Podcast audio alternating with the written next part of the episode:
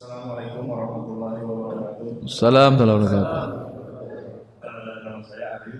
Arif? Ya. Ya Pak Arif. Yang saya mau tanyakan ini Ustaz terkait jual beli saham gitu ya. Ya. Investasi di saham.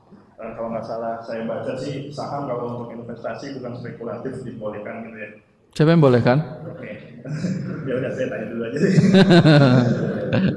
Eh, saya mau nanya, andai kan eh, kita berinvestasi di saham tapi nggak spekulatif, investasi murni, nah, itu apakah diperbolehkan atau tidak? Eh, tanya. Jika diperbolehkan, perusahaan jenis apa? Karena kan Iya.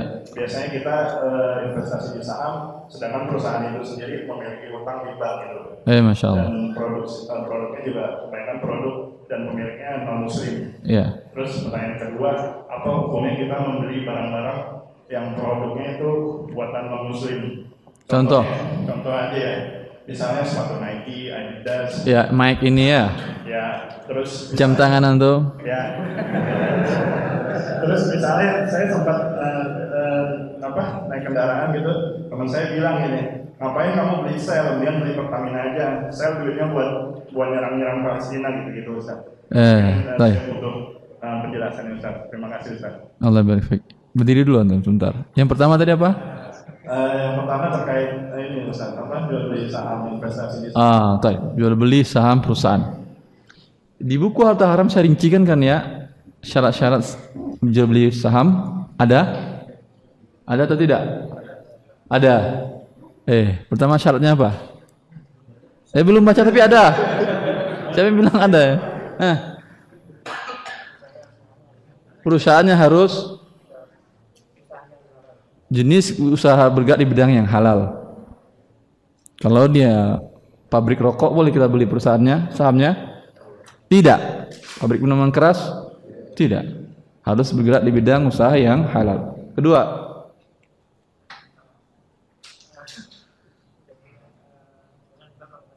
tidak punya pinjaman dengan riba. Yang keduanya repot. Kalau yang pertama tadi masih banyak alternatif. Perusahaan mana yang tidak ada pinjaman dengan cara riba? Ada? Tidak tahu kan tidak ada, tahu. Di Timur Tengah mungkin ada seperti perusahaan Sabik atau Bank Roji. Eh, ya memang mereka mengumumkan bahwa perusahaannya perusahaan yang halal, perusahaan syariah.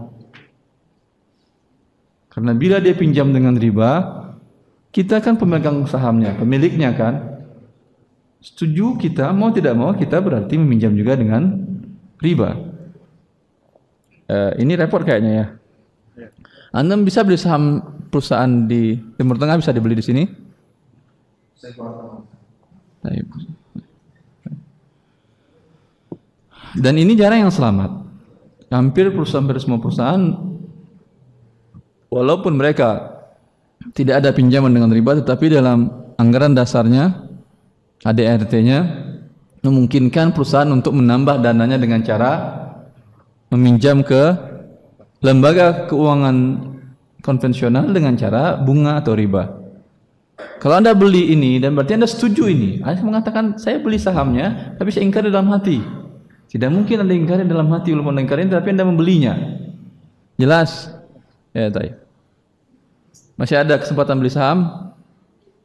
Masih. Eh, masih betul masih.